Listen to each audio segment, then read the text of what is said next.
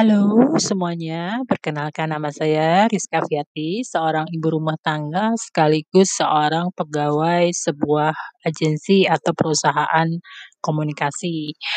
Hari ini saya akan berbagi tips mengenai bagaimana cara menyiasati pekerjaan kita sebagai karyawan sebuah perusahaan swasta, plus uh, kewajiban kita sebagai ibu rumah tangga.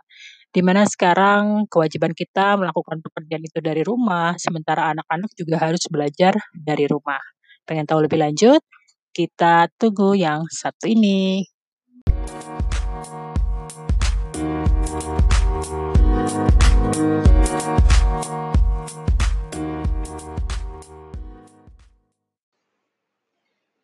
Baiklah, jadi sebelum kita mulai hari WFH dan sebelum kita mulai hari SFH, kita melakukan pembicaraan dulu sama anak-anak di malam hari. Seperti merencanakan plan atau kita mau ngapain ya besok.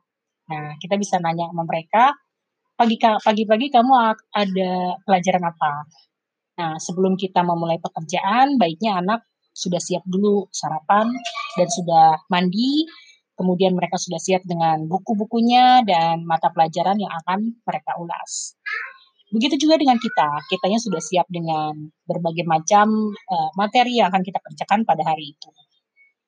Duduk bersebelahan sebetulnya nggak masalah dengan anak yang sedang melakukan school from home dengan kita yang melakukan pekerjaan dari rumah.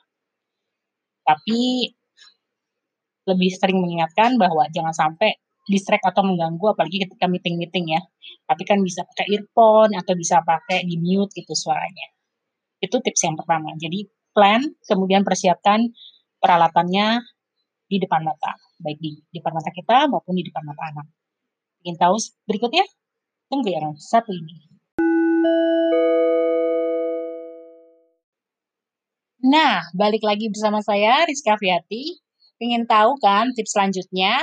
Tapi, hmm, rasanya saya keep dulu ya untuk tips selanjutnya di episode minggu depan. Stay in my channel. Bye-bye.